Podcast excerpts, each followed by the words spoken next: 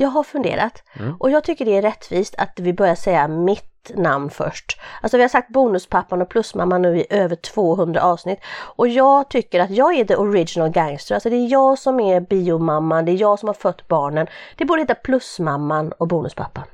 Ja men i så fall om vi ska byta så måste vi ju säga liksom ditt riktiga namn och din riktiga funktion. Vadå? Ja men då får ju podden heta X-häxan och den excellenta bonuspappan. Your life is dull and grey. My only answer is hey, hey, hey, hey. Let's go crazy in the wild, and if by chance we make a child, that just means that we're alive and healthy. Hej och välkomna till avsnitt 222 av Bonuspappan och Hej hej hej Plusmamman! En podd om livet i bonusfamiljen med tyngdpunkt på föräldraskap, relationer och käckhet. Ja, Käckhet är väl något nytt men det funkar väl. Och vi sänder i alla fall fortfarande i samarbete med Hallands Nyheter, dagstidningen i Varberg och Falkenberg med omnejd. Din tidning i brevlådan alla dagar förutom julafton, juldagen, annandagen och påskdagen. Nej, julafton kommer Hallands Nyheter ut och även nyårsafton eftersom det är en fredag. Däremot inte juldagen, annandagen och nyårsdagen. Och det kommer bli ett prov på det där sen så hoppas att ni lyssnade väldigt noga. Läs tidningen på www.hn.se. Ja, där kommer den ju alltid ut på webben. Yes!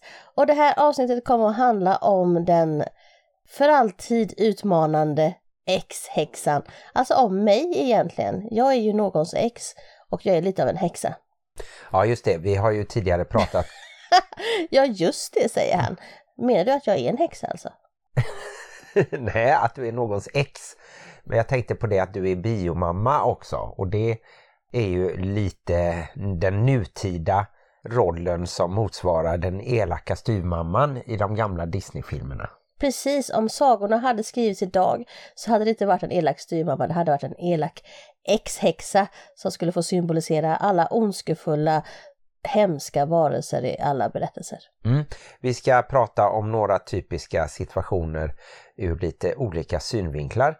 Men först så ska vi väl säga någonting om hur våran jul har varit hittills. Våran vecka, och veckan har ju innehållit jul och det har ju varit en barnlös jul som jag konstaterade att jag tyckte det var väldigt tråkigt att vara utan mina barn. Men så kom jag ju på det att mina barn är ju varje jul utan en av sina föräldrar åtminstone. Och det är ju jättetråkigt för dem, så att jag ska inte gnälla. Ja men det har ju du rätt i och vi försöker ju ha barnens perspektiv oftast. Och vi har ju haft en lilla julafton här hemma när vi gav varandra julklappar. Och det var väl i tisdags då och sen åkte stora barnen upp till sin farfar i onsdags och sen åkte minstingen till sin pappa i torsdags. Ja, och så ser ju de flesta jular ut i de flesta bonusfamiljer att det är ett litet pusslande och pysslande och klippande och trixande. Lite annorlunda julpyssel kan man säga än för andra kärnfamiljer. Mm. Och vi eh, inledde själva julafton då med att åka och träffa min pappa och min bror och hans familj. Och så blev det lite julklappsutdelning där och lite mat. Och sen åkte vi vidare till min mamma som bor på ett vårdhem. Och sen inledde vi ju och tittade lite grann på Kalle Anka men sen så valde vi faktiskt att köra bil under största delen av programmet. Mm. Och det enda som var traditionellt med julafton framför kalanka är ju när någon gubbjävel alltid ska säga Åh det är så roligt med den här rutiga färgen. Och den gubbjäveln var i år du. ja men det är ju en klassiker faktiskt. Jag minns inte att jag kommenterade det men så var det säkert. Sen åkte vi i alla fall vidare till dina föräldrar som också bor på ett äldreboende men här i Varberg. Och så åt vi god julmat ihop med dem också. Så var det. Och sen avslutade vi hemma i soffan och tittade på en skräckfilm tror jag. Ja det var nog Candyman på julafton. Nej, det var Old. Ja just det. Martins största skräck, att bli gammal. Nej det tror jag inte att det är faktiskt. Men att bli gammal över en dag som de blev, det var ju lite skräckigt faktiskt. Mm, mm. Ja och sen så har det ju fortsatt julhelgen. Vi har ju varit och träffat dina föräldrar en gång till och vi har fått hem de stora barnen lite överraskande en dag tidigare än de hade sagt. Väldigt överraskande. Vi satt där helt påklädda faktiskt, som tur var. För vi var ju helt nakna hela resten av dagarna. ja, det var på juldagen plötsligt eh, som eh, en nyckel sattes i låset. Jag hann inte riktigt reagera förrän Parker, vår hund, sprang ut i vild glädje och frenesi. Och så hörde jag min äldsta dotter och så frågade vi, är ni redan hemma? Ja. Varför då? Nej, vi vill inte stanna längre och så var det med den saken. Ja, man får vara beredd på eh, överraskningar. Man kan ju inte kräva kanske av tonåringar att de skickar ett sms och säger att de ska köra 70 mil hem under en hel dag. Det var ju inte så att de hade ont om tid att skicka ett sms. Men Ni som nej, känner Martin, ni hör den Ja. lilla lätta tonen av lapa Nej, i jag- hans röst. jag tycker ju Lågaffektiv, passivt aggressivitet. apropå ex-häxan eh, att deras pappa borde ha sagt till. Men eh, det kan finnas omständigheter som gör att han inte klarar av det också. Men det här kan ju faktiskt vara en sån här liten klassisk grej. Kanske inte var exakt så för oss, men lite att jag tyckte det bara var jättekul att de kom hem medan du kanske mer att, men så här hade vi ju inte planerat. Jag tänker att en bonusförälder kanske inte blir lika glad över att barnen kommer hem en dag tidigare som en biologisk förälder. Men jag kan ha fel. Ja, alltså min reaktion som jag minns den var framförallt att ingen hade sagt till. Och då tänker jag väl att jag skulle ju ha sagt till i väldigt god tid och väldigt många gånger och skickat ett långt sms med massor av information. Som ingen eftersom hade jag läst. är sån. och då får man väl tänka så att ja men alla är inte så. Och, Alla är eh, inte som ja, Martin, vilket både är synd och bra. För att hade alla varit som Martin så hade vissa saker varit väldigt bra. Fast om alla hade varit som Martin så hade det också varit lite problematiskt i världen tror jag. Ja, det hade det säkert varit. Men vi har i alla fall byggt upp våran bonusfamilj så att vi inte har så mycket kontakt med barnens biologiska pappor just nu. Och det funkar och särskilt för tonåringarna. De är så gamla så de klarar sig själva och kan åka mellan oss och sådär. Vi skickar inte så jättemycket sms till tonåringarnas pappa och han skickar inte så mycket svar tillbaka till oss och det funkar. Det gör det. Men jag har en fråga, du är ju bonusförälder. Hur var det på julklappsfronten i år? Räknar man med julklappar från sina bonusbarn? Nej, jag räknade inte med det men eh, jag fick ju dels någonting från minstingen som jag vet att du hade hjälpt till att köpa som eh, var ett roligt spel som vi ska testa. Det heter Rackare. Och sen så fick jag faktiskt, och det, råkar jag veta att jag fick samma present som biopappan. Och det var ju lite trevligt och det blev jag väldigt glad för. En speciell elektrisk rakhyvel som jag var med och köpte till deras pappa och sen så fick jag en likadan själv. Undrar om han då var med och köpte din? Det hade varit väldigt ödesmättat. Nej, jag hörde bara att eh, äldsta dottern stod i kö länge för att köpa den här till mig då.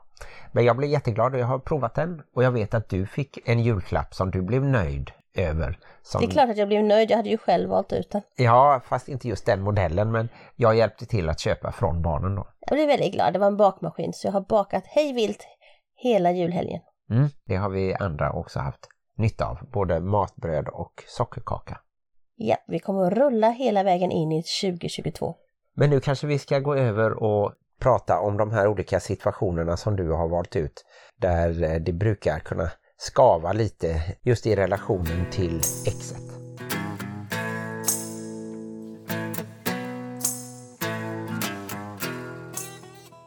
Så, kära make, nu ska jag förklara för dig och för er andra hur detta kommer att gå till. Ja, spännande.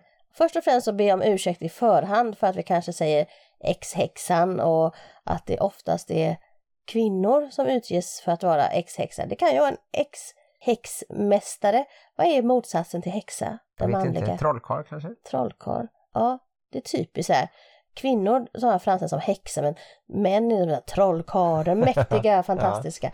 Nej, men i alla fall, det är ju lite så att i våran bonusfamiljernas diskussionsgrupp som vi har på Facebook så är det mest kvinnor som skriver. Jag har sett att det finns män med i gruppen men de yttrar sig inte så ofta och jag tror att det har lite att göra med att män har en mer fri roll i bonusfamiljen och kvinnor har mer en kanske påtvingad roll i bonusfamiljen. Men det kan vi gå in på ett helt annat avsnitt. Eller vad säger du? Jo men det tror jag stämmer även i många kärnfamiljer att, att det är kvinnorna som tar mer ansvar för barnen till exempel. Och så borde det inte vara men jag tror att det hänger kvar ganska mycket ändå. Så i era e- egna huvuden så får ni ändra de kvinnliga och manliga genusar som vi säger efter er egen förmåga och vilja och erfarenhet. Och nu sätter vi igång. Så här kommer det gå till. Jag har tagit in allting inuti min kropp som jag har läst och så har jag använt min hjärna och liksom spottat ut tio punkter som de här, alla de här breven som vi får som handlar om den jävla X-häxan liksom kulminerar i, om du förstår vad jag menar. Ja. ja. Och så tar vi varje de punkt och så ska vi prata om dem utifrån fyra olika perspektiv. Ett är hur du och jag brukar göra och säga, alltså bonuspappan och plusmammans perspektiv. Ja, och där är det ju lite som om som vi tänker att vi ska leva som om vi var en kärnfamilj. Och då tänkte jag att du kan få vara den. Du kan få representera bonuspappan och plusmamman. Ja. Och så kommer jag då att vara den lite motsatsen, även om vi faktiskt inte är motsatser utan vi är bara två olika fina sidor av samma mynt. Alltså nacho-metoden som vi kommer att prata mer om i nästa avsnitt. Alltså, det är inte ditt barn, du har inte ansvaret. Så det kommer vara min, mitt perspektiv. Not your kid och så har det blivit Nacho Kid. Precis, tack för förtydligandet. Och sen det tredje perspektivet kommer vara bonusförälderns perspektiv. Och det kan jag ta eftersom jag är bonusförälder och inte biologisk förälder på något sätt. Och sen så ska vi självklart ha X-häxans perspektiv.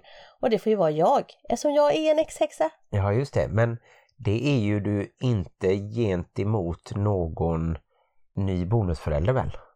Nej, men jag har varit. Ja, Så kommer det se ut och jag tänker att vi kommer kanske att överdriva våra roller lite. Jag vet inte, vi får se. jag brukar Vi har inte göra det. inte övat på det här på något sätt så att det får bli som det blir. Men vi börjar med punkt ett. Ja. Och punkt ett är X-häxan bestämmer umgänget. Och då kan det ju vara till exempel att man får ett meddelande, eller inget meddelande då, som i Martins fall här, att plötsligt så ändras umgänget. Plötsligt så dyker barnen upp när de inte ska eller plötsligt så ska de åka iväg på semester och ja, allt det här. Att mycket av umgänget bestäms utifrån X-häxans vilja. Mm. Och då utifrån bonuspappan och plusmamman, utifrån våran familj så ser vi ju det som att vi är föräldrar dygnet runt och året om alltid, även när barnen är hos sina biologiska pappor till exempel i vårt fall. Och även om någon pappa skulle ha en ny sambo och om hon skulle ha barn eller så, så räknar vi att vi hela tiden har barnen. Och just nu så har vi ju nästan inga barnlösa dagar eller helger. Så då blir det ju så även i praktiken. Men jag tror att den mentala inställningen ska vara att oavsett om barnen är här eller inte så har vi ansvaret och då gör det ingenting om de plötsligt säger att nu ska vi vara någon annanstans. Och så har det ju nästan blivit också vad gäller övernattning eller middagar och sådär att vi bestämmer ingenting i förväg utan en timme innan så kollar vi, ja vilka äter hemma eller märker vi att någon inte kommer hem på kvällen så kollar vi, jaha sover du hos en flickvän till exempel? Så Men vi hur har känner det du ganska vid- spontant. Hur känner du vid semestrar och sånt? Ifall din semester skulle helt bli avhängd någon annans vilja? Ja, så har det inte riktigt varit eh, utan vi försöker ju lösa våra semestrar eller våra skollov så bra vi kan. Att vi är hemma så att vi kan hjälpa barnen eller att vi skulle kunna resa bort på sommaren till exempel och då får vi ju planera in det. Och det är klart, då är ju det den som planerar in det först. Men vi har inte riktigt hamnat i en sån situation så där kanske det skulle vara lite värre men jag tror ändå att ser man det bara ur barnens eh, perspektiv att eh, barnen har två familjer men att vi är föräldrar hela tiden då löser det sig oftast bra i sådana situationer tycker jag. Mm. Och då ska jag ta det här från Nacho Kids perspektivet. Och då är det ju faktiskt att It's not your kid, it's not your responsibility och det hör också ihop med det är hans ex eller hennes ex. Det är inte ditt ex. Så att den kommunikationen ska man liksom lämna över till sin partner. Och eh, om han då inte kan fixa det så kan man ju själv säga att ja, men nu skriver vi upp det här så att det blir rättvist. Och eh, jag kommer ta semester den här tiden och sen så får du reda ut med ditt ex hur ni kör era semestrar. Så vet de det. Så att lite mer att jag tänker inte på barnen och exet i första hand när jag tar min semester. Utan jag tänker på vad som passar mig och vad som passar kanske våra gemensamma barn och vad som passar min arbetsplats. Mm. Och om jag då ska se det ur en bara en bonusförälders synpunkt. Om jag skulle tänka mig att jag var en bonusförälder som inte blev lika insläppt i familjen och systemet så som du har gjort och som vi har bestämt. Då skulle jag nog kunna reta mig ganska mycket på till exempel en biologisk förälder som ändrar med kort varsel och så.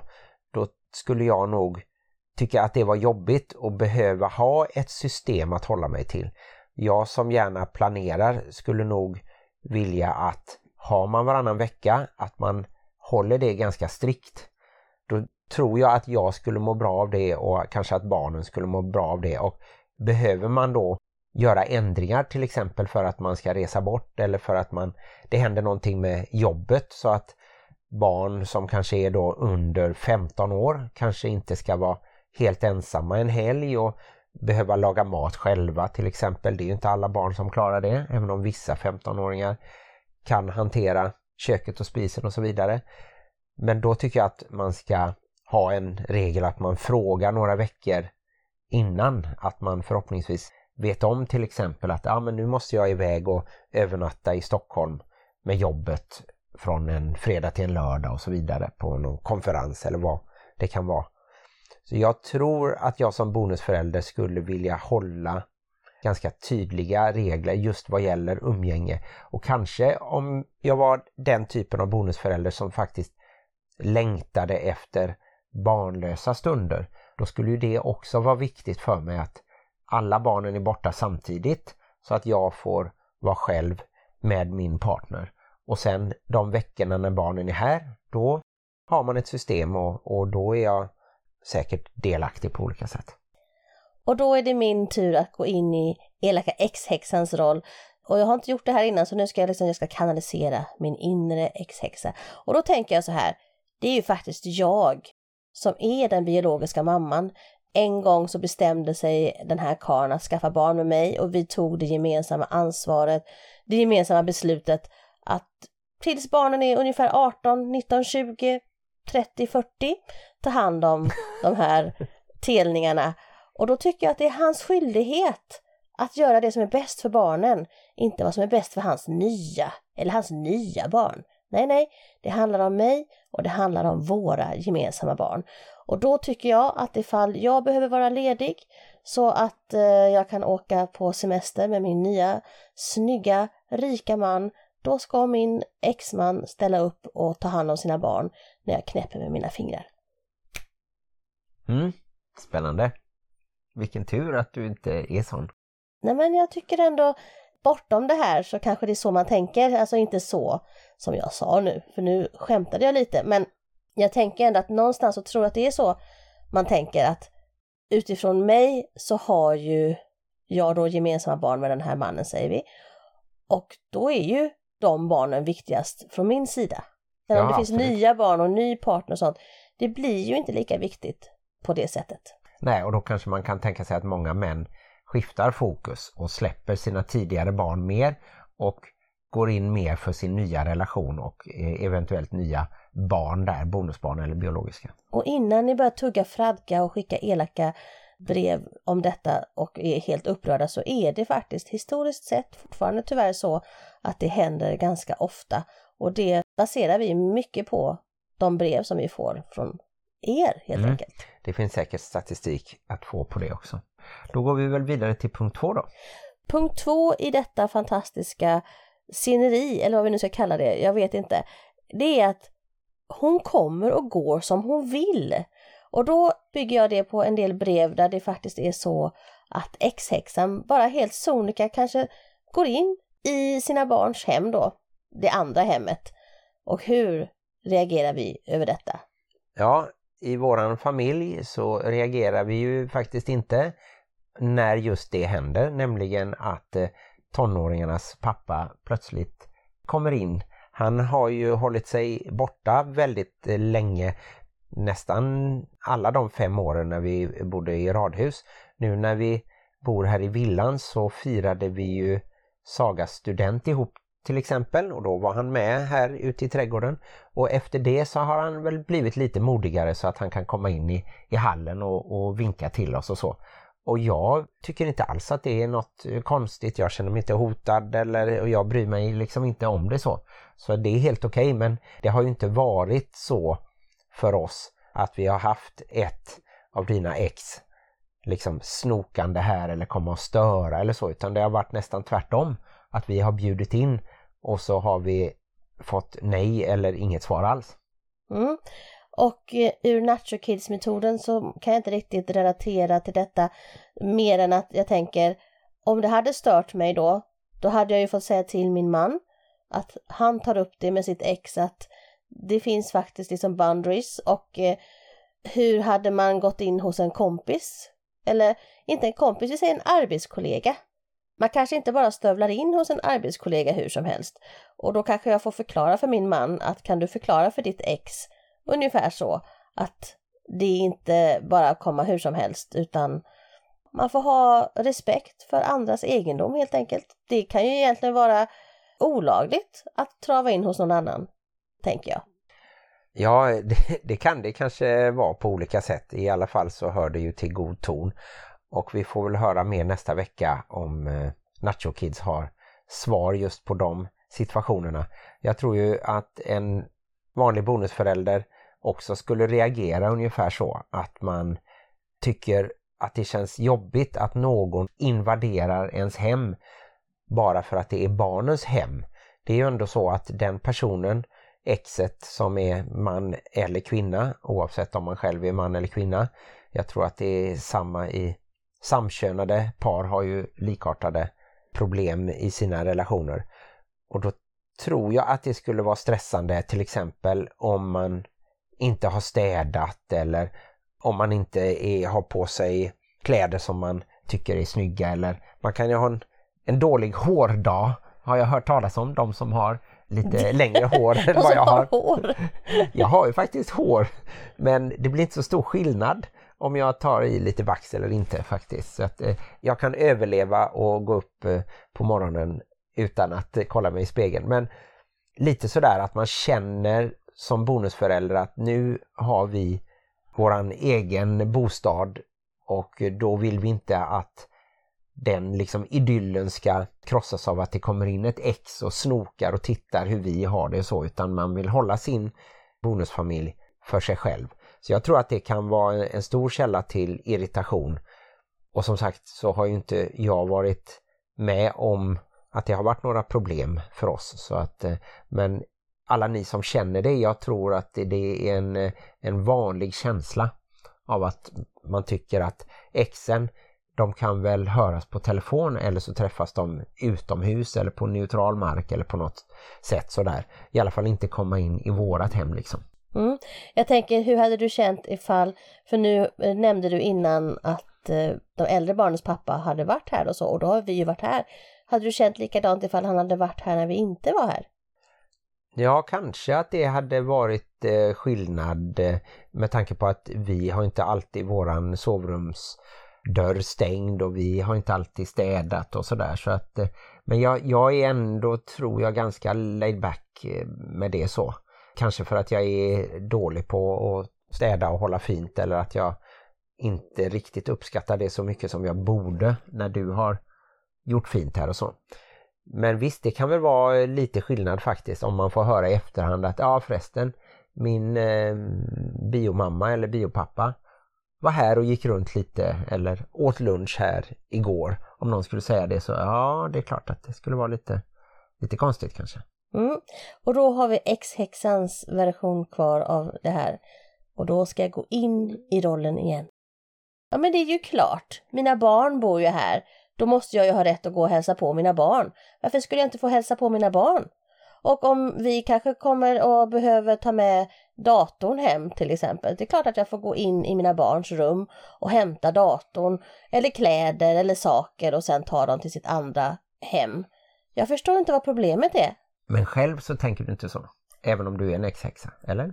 Ja, men jag gick in i rollen nu Martin. Ja, just det. Men om du skulle åka hem till tonåringarnas pappa, skulle du gå in och ta till exempel saker som är dina som du har fått i present men som ni inte har delat upp sen skilsmässan för 14 år sedan? Nu ska vi faktiskt vara helt ärliga här och det har hänt ganska, inte nu på många, många år, men i början när jag kom hem till mina barn så var det lite så att, ah, men den här ljusstaken är ju min. Ja, men då var oftast Anders faktiskt där. Jag tog inte saker utan att han var där. Nej. Och ja, det är klart att han kanske inte älskade att jag kom hem och plockade saker. Men nu har jag känt att nu är det preskriberat. Det som är Anders är Anders saker nu. Så jag tar inte dem längre. Men det har hänt och eh, jag får väl skylla på min inre ex-häxa helt enkelt. Ja, men då går vi vidare till punkt tre då. Ja, punkt tre är den där ex-häxan. Hon snackar bara skit om oss. Ja, det tror jag också är ett vanligt problem och eh, vi har väl i våran metod inte något speciellt som skyddar mot sån irritation utan det kan jag väl känna men jag tror att vi ändå kommer vidare genom att tänka att vi kan bara ta ansvar för våran familj och vad vi säger om dina ex i det här fallet eftersom jag mina ex är ju inte inblandade i vår familj eftersom jag inte har några biologiska Alltså barn. de kan vi snacka hur mycket skit som helst om. Just det. Men eh, vi tänker ju så att det är viktigt att vi inte kritiserar papporna så att barnen hör det. Och sen måste ju du och jag prata om det ibland, antingen för att lösa något problem eller för att liksom släppa ut lite irritation så. Men eh, om jag ser det utifrån våran synvinkel så dels så tror jag att det är svårt att ha bevis eller att veta exakt vad som sägs och sen så tror jag att det bara blir värre om man fokuserar på det. Så det tror jag är svaret utifrån bonuspappan och plusmamman. Mm. Och jag ska ju då ta Nacho Kids varianten här och då är det teflondräkten på helt enkelt. Vad hon eller han säger spelar ingen som helst roll. Det är inte så att jag ska lägga mig i deras föräldrastil och de ska inte lägga sig i min föräldrastil. Så jag struntar helt enkelt i vad mina då bonusbarn kommer hem och säger att ja men min mamma säger så eller min mamma säger så. Ja men kul för den. Mer liksom så här brush it off. Teflondräkten på, inte lyssna. Mm. Och som bonusförälder, eftersom jag är det, så kan jag känna sympati för de andra bonusföräldrar som känner sig väldigt kränkta av att eh, då ens partners ex kritiserar eller till och med att den personens nya sambo kritiserar mig som bonusförälder. Jag kan ju tycka att även om jag inte gör hälften, även om jag bara bidrar lite så är ju det mer än någonting. Det är ju mer än då kanske än i nacho-metoden. Att jag ändå går in och försöker hjälpa barnen på något sätt. Att då ha ett ex som kritiserar det på olika sätt kan ju kännas väldigt kränkande och jobbigt och det kan ju få mig då att tappa energin lite och, och tappa inspirationen till att hjälpa barnen. Varför ska jag sitta inför ett matteprov och, och kämpa med det när det finns en biologisk förälder som borde kunna göra det till exempel. Det är en helt eh, relevant känsla och, och jag tror att det är ganska vanligt men bäst är nog ändå att man eh, försöker på båda håll att lägga undan det och inte säga någonting inför barnen. Mm. Och då har vi bara X-häxans version kvar och eh, jag måste ju som sagt var koppla om nu då. Ja men det är inte skitsnack. Jag säger bara som det är. Alltså man ser ju på dem. De är ju alldeles för malliga. De går där och tycker att de är så himla duktiga och nu ska han leka familj med den där nya. Alltså, det är klart att man måste få säga vad man tycker. Alltså jag försöker inte säga det till mina barn. Men om jag säger till min före detta svärmor eller mina vänner om jag skriver någonting om det på Facebook, det kan väl inte vara så farligt. Det är väldigt roligt. Du nästan blir som en annan person. Även att rösten ändras lite och så. Så att, ja, du spelar väldigt bra. Du ligger närmast i Guldbagge av oss två. Ja, vad härligt. Då går vi in på den fjärde punkten. Ex-häxan sköter inte om barnen som hon ska. Nej, och om eh, du och jag skulle vara med om något sånt så tror jag ju att vi skulle ta den delen då och ordna så att barnen kanske då får bättre kläder eller att de eh, tvättar håret oftare om det skulle vara ett problem eller att de får gå till läkaren och undersöka om de har fått eksem till exempel. Eller om de inte klarar sig i skolan, då tror jag att du och jag skulle liksom öka våran insats istället för att kräva någonting av ett ex som kanske inte riktigt har den förmågan. Och det kanske är taskigt att vi då ungefär sätter oss på våra höga hästar och tycker att vi är bättre föräldrar. Men jag tror att det är min inställning just nu att istället för att jag ska bli arg och besviken så skulle jag försöka ta ännu mer ansvar utifrån som om metoden. Yes, och The Natural Kid Method säger låt bioföräldrarna hantera det där. Man ska låta dem ha sin föräldrastil och om de vill att barnen ska gå i för små kläder så låt dem gå i för små kläder. Det kommer alltid konsekvenser av allting som man gör eller inte gör. Och då är det inte mina barn så det är inte mitt ansvar och jag behöver inte stå och skämmas inför lärare för att de har för små kläder eller för att de inte har gjort si eller så. Utan det är de biologiska föräldrarnas ansvar. Sen kan jag ju med min man då komma överens om att i vår familj så har barnen vinterkläder till exempel eller någonting annat. Men det är i huvudsak min mans ansvar att ta hand om sina barn och att komma överens med sitt ex hur det ska skötas. Mm. Och om jag då ser det som eh, bonusförälder så tycker jag att eh, det inte skulle vara konstigt om man tycker då att den andra biologiska föräldern, exet, om det nu är en ex-häxa eller en ex-häxmästare, är dålig liksom och inte tar sitt ansvar och då måste man som bonusförälder få klaga och kanske antingen säga till den man lever med att nu får du öka pressen lite på, på ditt ex eller till och med att jag skulle kunna lägga mig i själv och säga att det måste bli rättvist. Nu får du faktiskt köpa ett par eh, riktiga stövlar för det kommer behövas nu under hösten och vintern. Och vi har redan köpt våran del så att, eh, att jag skulle nog som bonusförälder kunna lägga mig i mer och försöka tvinga fram en förändring. Sen vet man inte om det hade funkat men den känslan kan jag nog ändå känna igen. Mm. Vi kan ju också nämna att det kan hända att barn har sina vinterkläder men vägrar ha på sig dem. Det är inte alls ovanligt faktiskt. Eh, eh, jag vet en person i min närhet till exempel som har en jättestor varm vinterjacka som hon av olika anledningar inte alltid vill ha. Och eh, kanske ibland att hon inte vill ha mössa och så fryser hon istället. Och då kan man ju tycka att ja men då får du väl lära dig ta mössa nästa gång.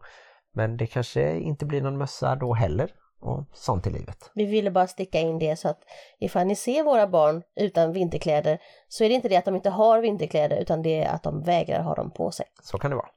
Och då är det X6an kvar eller? Yes? Mm. Då ska jag försöka gå go in character. Alltså jag har skött barnen ända sedan de föddes och de lever faktiskt. Varför ska de lägga sig i? Mina metoder funkar jättebra och jag kanske inte alltid har pengar de är ju två, jag är bara en. Och jag behöver faktiskt nya naglar och hårförlängning. alltså jag förstår inte varför de ska lägga sig i mina metoder. De kan väl hålla på med sitt dravlande där borta och göra bäst de vill. Men jag gör det som är bäst för mina barn. Så jag tycker att de ska hålla käften. Mm. Låt dem ha sin löjliga podd. Precis. Låt dem ha sin löjliga podd. Bonusmuppen och plastpåsen. ja, just det. det är en helt ny podd som eh, kanske kommer nästa år. Yes. Då går vi vidare till... Punkt nummer fem. Ex-häxan betalar inte tillräckligt eller begär för mycket pengar. Mm. Där tror jag att jag skulle svara ungefär som förra gången att eh, om vi skulle hamna i ett sånt problem och det kanske vi på ett sätt är i en sån situation så tänker vi att vi kan inte tvinga någon att göra rätt för sig utan då får vi vara de större personerna. Även om framförallt jag klagar på det så kan vi liksom inte gå vidare på något bra sätt utan då får vi ta hand om våran familj. Vi får leva som om att det är bara våra barn och att vi alltid har barn. Och så gör vi det bästa vi kan och så får vi i så fall snåla in på någonting kanske att vi kanske inte kan gå ut på restaurang lika ofta eller gå på bio varje månad eller sådär. Mm. Och sen har vi då Nacho Kids-metoden och eh, där tänker jag att en nacho-förälder mer tänker helt logiskt och praktiskt och rättvist och att man delar upp kostnaderna och ifall då min partner inte kan få in de kostnaderna via föräldern så får man i alla fall i Sverige gå via Försäkringskassan helt enkelt. Och jag tänker att man ska vara ganska pragmatisk som Nacho Kid-förälder att eh, ett barn kostar si och så här mycket. Man kan spara kvitton så man har papper och bevis för vad som kostar och inte kostar. Och sen kan man då begära samma sak av den andra föräldern, att den uppvisar eventuella kvitton och bevis på att den faktiskt har försökt hitta den bästa och billigaste metoden. Men som sagt var, jag lämnar över det till min man, att han har den konversationen med sitt ex. För den, den relationen har inte jag med mitt ex enligt Nacho Kid-metoden. Nej just det. Och om jag då som bonusförälder inte lever i en sån Nacho Kids metod och inte kan lämna över bara till dig utan jag är en bonusförälder som märker att det blir orättvist då skulle jag ju på olika sätt antingen försöka påverka min partner att sätta ännu mer press på den andra föräldern så att den faktiskt antingen betalade sin del eller krävde mer rimligt och att vissa saker då om jag tyckte att den personen ville ha betalt för sånt som faktiskt inte är gemensamt. Om någon säger att ja, nu har vi faktiskt varit på Liseberg, då ska ni betala hälften av vårat besök. Så är det ju inte. Utan vad den personen gör med barnen på sina helger, det är ju ingenting som man ska dela upp. Skulle jag kunna hävda då. Och jag skulle nog kunna gå så långt som att om det handlar om att vi inte får betalt för saker som vi tycker är absolut gemensamma. Barnen kanske måste ha skor att ha på gympan i skolan. Det går liksom inte att välja bort och man har idrottslektioner varje vecka och då ska man dela på den kostnaden.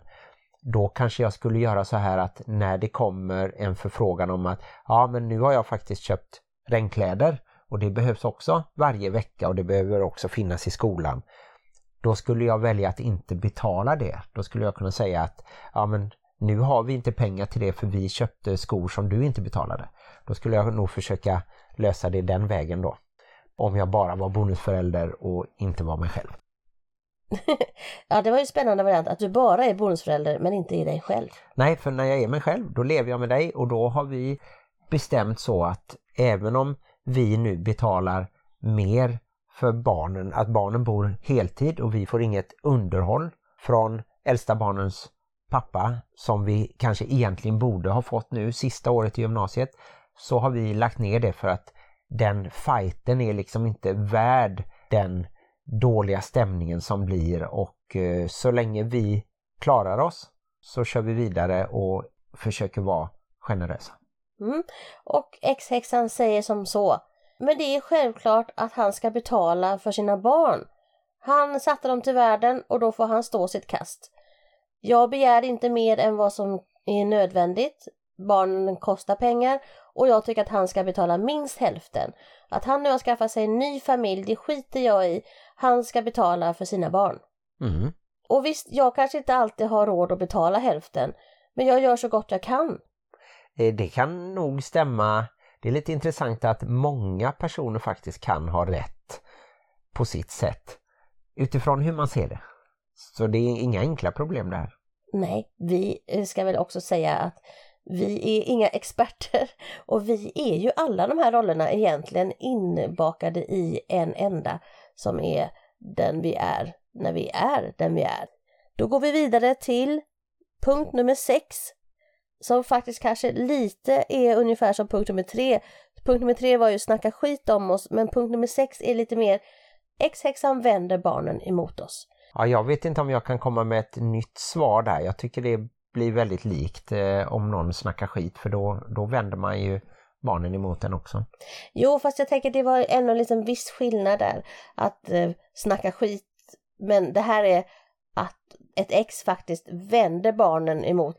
Alltså på riktigt så här, du får inte tycka om den, du får inte, alltså lite mer så. Vi får ju en hel del brev om, om sådana situationer. Ja, om det skulle hända oss så tror jag att vi hade behövt liksom prata om det och se hur vi skulle kunna agera.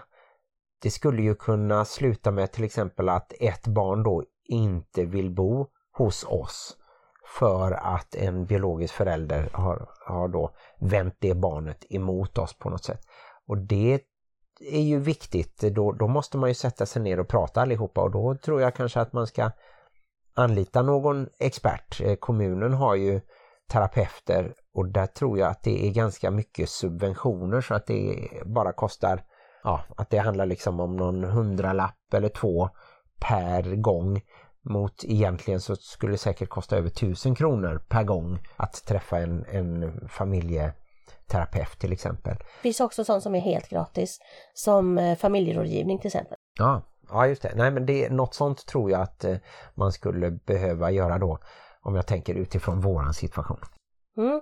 Och enligt Nacho Kids-metoden så det är lite svårt för att jag, jag, vi skulle ju haft Laurie och David här och svara på det här. Det hade varit mycket bättre.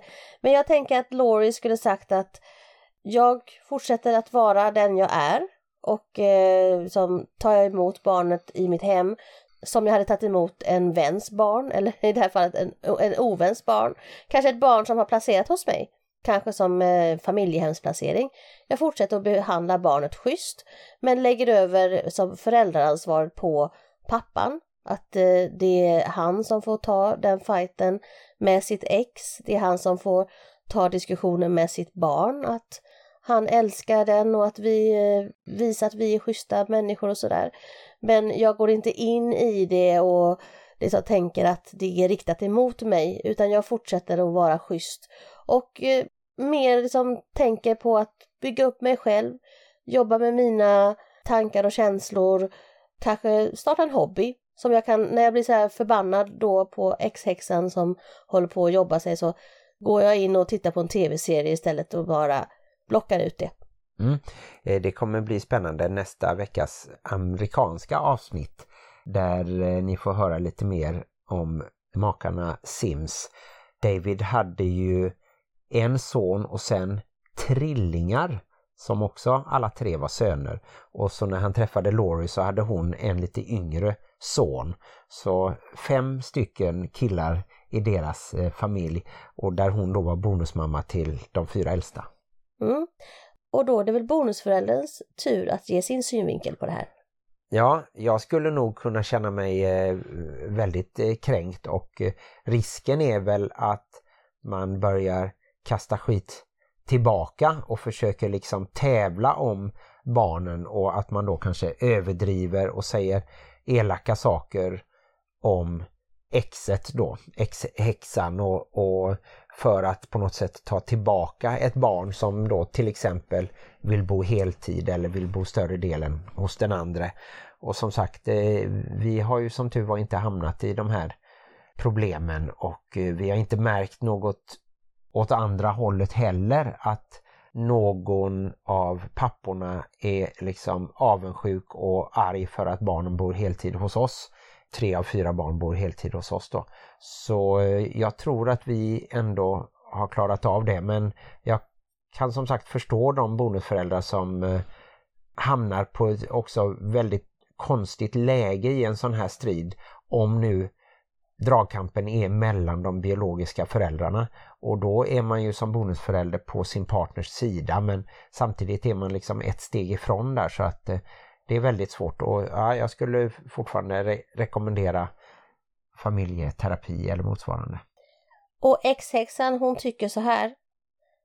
Alltså återigen, jag känner mig anklagad.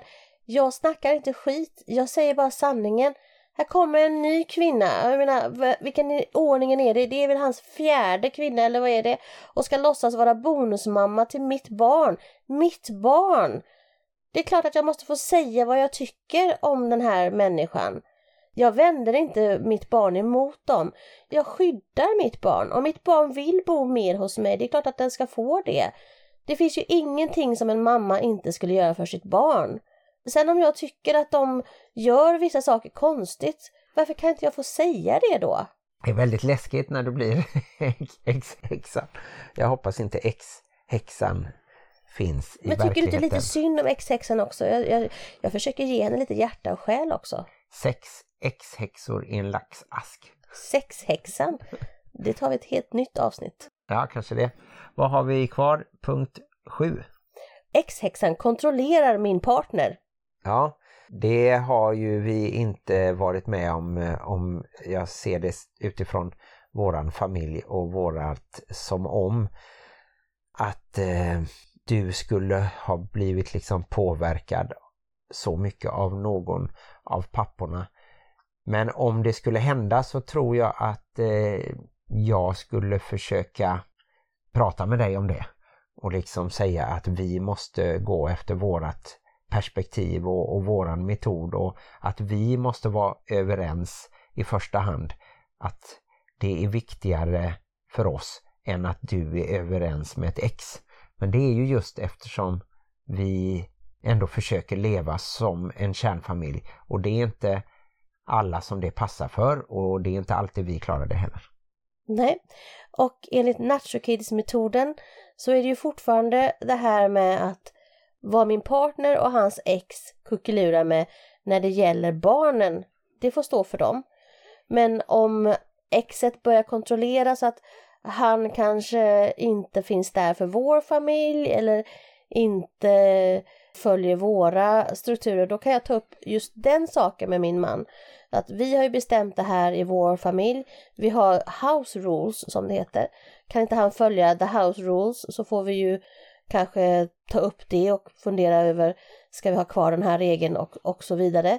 Men just det här med att han då kontrolleras av sitt ex, just den saken lägger jag mig inte i. Däremot kan jag ju säga att ja, men ska du vara på det här sättet så kanske jag inte vill ha en relation med dig. Men det blir ju mer som hans personlighet då. Om han är en kuvad människa som bara gör som sitt ex säger, då kanske inte han är attraktiv för mig längre. Och då kan jag ju säga det till honom. Men däremot så får han själv reda ut varför han alltid går sitt ex ärenden eller varför han låter henne bestämma vad han ska göra, tänka och tycka. Så att lite, lite åt det hållet, jag kan eh, liksom berätta för min partner hur jag vill eller inte vill att han ska vara och sen så får han reda ut det på sitt håll. Mm. Och eh, lite det perspektivet är det ju som vi stöter på mest på Facebook i bonusfamiljernas diskussionsgrupp.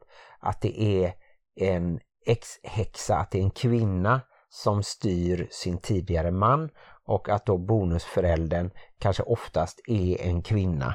Och jag tror kanske att vi i våran familj har det lite lättare eftersom här är barnens andra föräldrar är två män och de involverar sig då inte lika mycket i våran familj, tror jag. I alla fall eh, om, om man skulle ta ett slags eh, genomsnitt som om det hade varit kvinnor som var exen. Men eh, skulle jag då vara en bonusmamma och märka att min make eller maka styrdes väldigt mycket av sitt ex. Det skulle jag nog tycka var, var väldigt jobbigt. Precis på samma sätt som att man tycker det är jobbigt att någon kommer in i ett hus så kommer ju den personen in liksom mentalt i våran familj. Och jag tänker att jag som bonusmamma vill bygga upp en familj och visa att vi kan bestämma våra regler och vad vi tycker. Och om då plötsligt min man skulle komma och säga att nej men eh, du vet eh, barnens mamma tycker ju att vi ska ha mycket mindre skärmtid eller eh, tycker att barnen ska börja gå på ridning varje vecka nu så vi måste lägga lite mer pengar på det så vi kan inte renovera vårt badrum förrän eh, om, om några år. Nu måste pengarna gå till ridningen för det är viktigt eftersom deras mamma hade häst när hon var liten. Om vi hittar på en, eh, ett slags scenario. Jag tror att det skulle vara väldigt jobbigt som, som bonusförälder att känna då att en annan kvinna liksom är viktigare. Och då skulle det precis som med nacho-metoden att det, det, skulle kunna påverka relationen eller äktenskapet till och med så att, eh, att det går i kras om man inte reder ut det. Mm. Och vad var din lösning då? Nej, jag tror väl eh, som alltid är lösningen oavsett vem man är att det är kommunikation. Man måste förklara då om det är en man i det här fallet som, som styrs för mycket så måste man förklara för honom att dina barn i alla fall varannan vecka är i våran familj och det är vi som bestämmer och du kan inte låta ditt ex gå före mig för då prioriterar du fel och då kommer det få konsekvenser så att utan att man ska hota att, eh, att lämna så måste man ju reda ut det att vad tycker du egentligen, inte vad ditt ex tycker. Mm. Och X-häxan säger som så. Vad då styr honom? Jag bara säger min åsikt och sen så bestämde vi ju för länge sedan, långt innan hon kom, att vi skulle göra så här med våra barn när de växte upp. Varför skulle det ha ändrats nu? Det är klart att vi måste fortsätta och följa det som vi bestämde då för länge sedan. Och jag har ju faktiskt rätt, det är jag som är mamman. Jag har väl rätt att bestämma hur mina barn ska växa upp och vad de ska ha för regler. Det är väl inget konstigt? Mm. Vet du vad, vad, vad, tur att du inte har några exfruar någonstans som, som försöker påverka våran familj. Vad tur att du har exmän som inte påverkar oss så mycket. X-Men lät som att jag hade superhjältar och det tycker jag inte vi ska Nej, tilldela dem den rollen. Och nu är vi framme vid en ny punkt. Yes, och de här tre sista punkterna, de är lite mer, jag, kan, jag skulle kunna dra ihop dem till en punkt om du vill, vill du det? Ja, jag tänker mest för lyssnarnas skull. Okej, okay, jag läser alla tre punkterna och sen så drar vi ihop dem. Det här handlar lite mer om känslorna hos bonusföräldern som kanske inte alls har med ex-häxan att göra. Mm. Så därför kan vi dra ihop dem. Och det är det här, hon har ju fått vara med om allting som jag själv hade velat. Hon har fått barn tillsammans med min partner, de har kanske liksom gift sig för första gången, flyttat ihop, hon har fått allt det. Och hon är ju faktiskt ganska snygg också, så att jag är ju lite svartsjuk på, på ex-häxan för att hon bara är sådär snygg. Punkt 8 var har fått vara med om allting, punkt 9 var svartsjuka och punkt 10 är att ja men hon och barnen, alltså barnen är det väl egentligen, men jag som bonusförälder upplever att ja, men hon kommer alltid först. Hon får alltid vara först att bestämma. Så de här tre punkterna, det här är det gnagande svartsjuke-grejen, om ja. du förstår vad jag menar. Eh, och eh, som sagt utifrån våran familj, eh, dels så har inte jag märkt av några sådana känslor och jag har väl tur som har vuxit upp och fått en stabil självkänsla och, och ett gott självförtroende så att jag backar liksom inte för att säga att jag är minst lika bra förälder som barnens biologiska pappor. Så jag tycker inte att de är, är snyggare än mig. Är Till det alltså exempel, alltså bonuspappan och plusmamma-metoden ja, där? Ja, just det. När jag bara utgår från mig själv att visst, jag skulle ju kunna säga så här att det hade varit mycket enklare om jag var biologisk pappa. Eh, jag, jag kan inte påstå att jag är avundsjuk på att de har en genetisk del i barnen på något sätt. Jag kan inte kalla det en svartsjuka men visst, det skulle varit enklare om de inte fanns och att jag var pappan. Så, så kan jag tycka. Det är då alltså bonuspappan och plusmamma-metoden. Nej. Det är enklare om de biologiska föräldrarna inte finns. Ja, just det. Och hur ska vi få dem att försvinna? men om jag får lägga mig i det så kan man väl tänka att vi tänker vi är nu, nu är vi familjen. Det som hände innan, det har hänt innan. Och vi går liksom från här och framåt. Ja, ja, alltså de borde ju vara avundsjuka på mig eftersom vi är gifta. Och, och du har gjort slut med dem. Du har ju valt mig, konstigt nog. Men jag menar, det är ändå så det är. Jag hade inte så mycket val, det var bara du som ville ha mig. Avdankad fyra barns mamma. Nej, men eh, jag eh, har ju inte haft någon sån biologisk klocka och, och, haft en stark längtan efter att just få egna biologiska barn. Sen tycker jag det är jättehärligt att få vara förälder och att få vara bonuspappa. Men eh, jag har inte den känslan liksom så att eh, därför är det inget problem just nu. Nej, och Nacho Kids-metoden vi kanske inte pratar så mycket om eh, det emotionella, men jag tänker att där är vi nog lite lika, Nacho Kid-metoden och Bonuspappan och Plusmamma-metoden. Att vi är här och nu. Det som var då, det var då. Och eh, jag har bildat en konstellation är det väl mer. Vi säger att vi har bildat en familj, men Nacho Kids-metoden är ju kanske mer att två familjer bor i samma familj på sätt och vis. Med kärlek och omtanke om varandra och vill leva tillsammans. Så att man går, ska inte liksom gå och duella över vad som har varit och vem som har gjort vad med vem, utan this is now. Mm. Och bara som bonusförälder så tror jag absolut att det skulle kunna vara jättejobbigt om man inte känner sig insläppt och inte lika viktig. Och det kan ju även jag känna att jag hade velat vara med sedan barnen var små. Oavsett så att säga vems DNA som de har så hade ju det varit fantastiskt att få, få uppleva allting.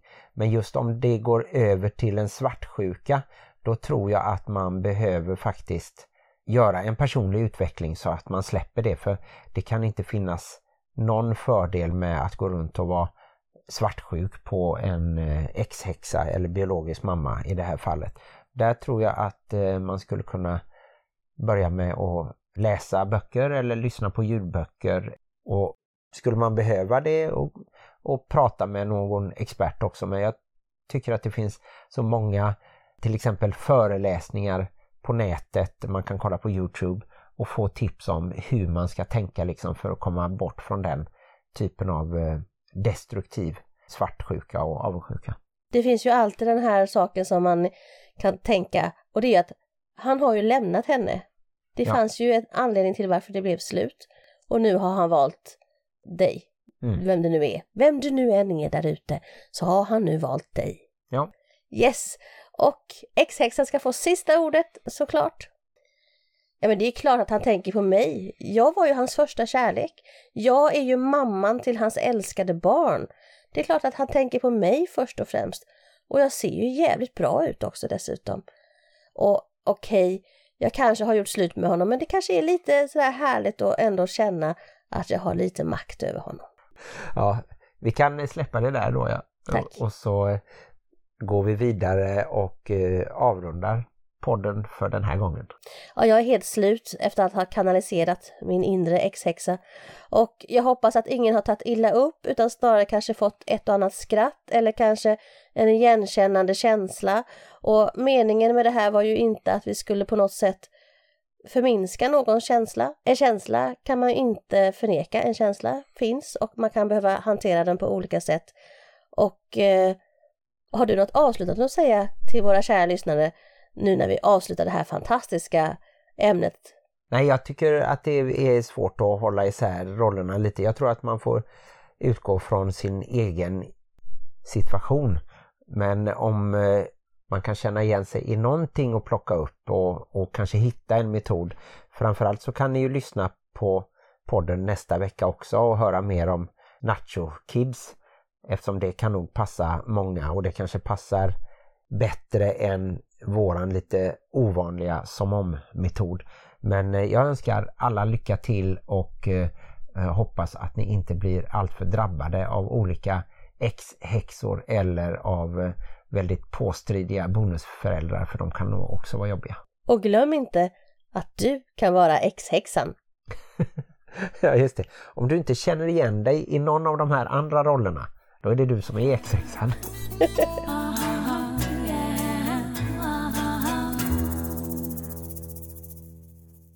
Nu ska vi avrunda och detta blir årets sista avsnitt av podden. Ett lite ovanligt poddår när vi hade fyra månaders uppehåll under sommaren och att det förlängdes in under hösten. Mm, podden höll nästan på att dö.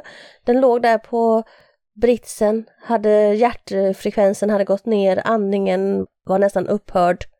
Och sen kom Martin springandes med eh, hjärtfibrillatorn och fick igång podden igen.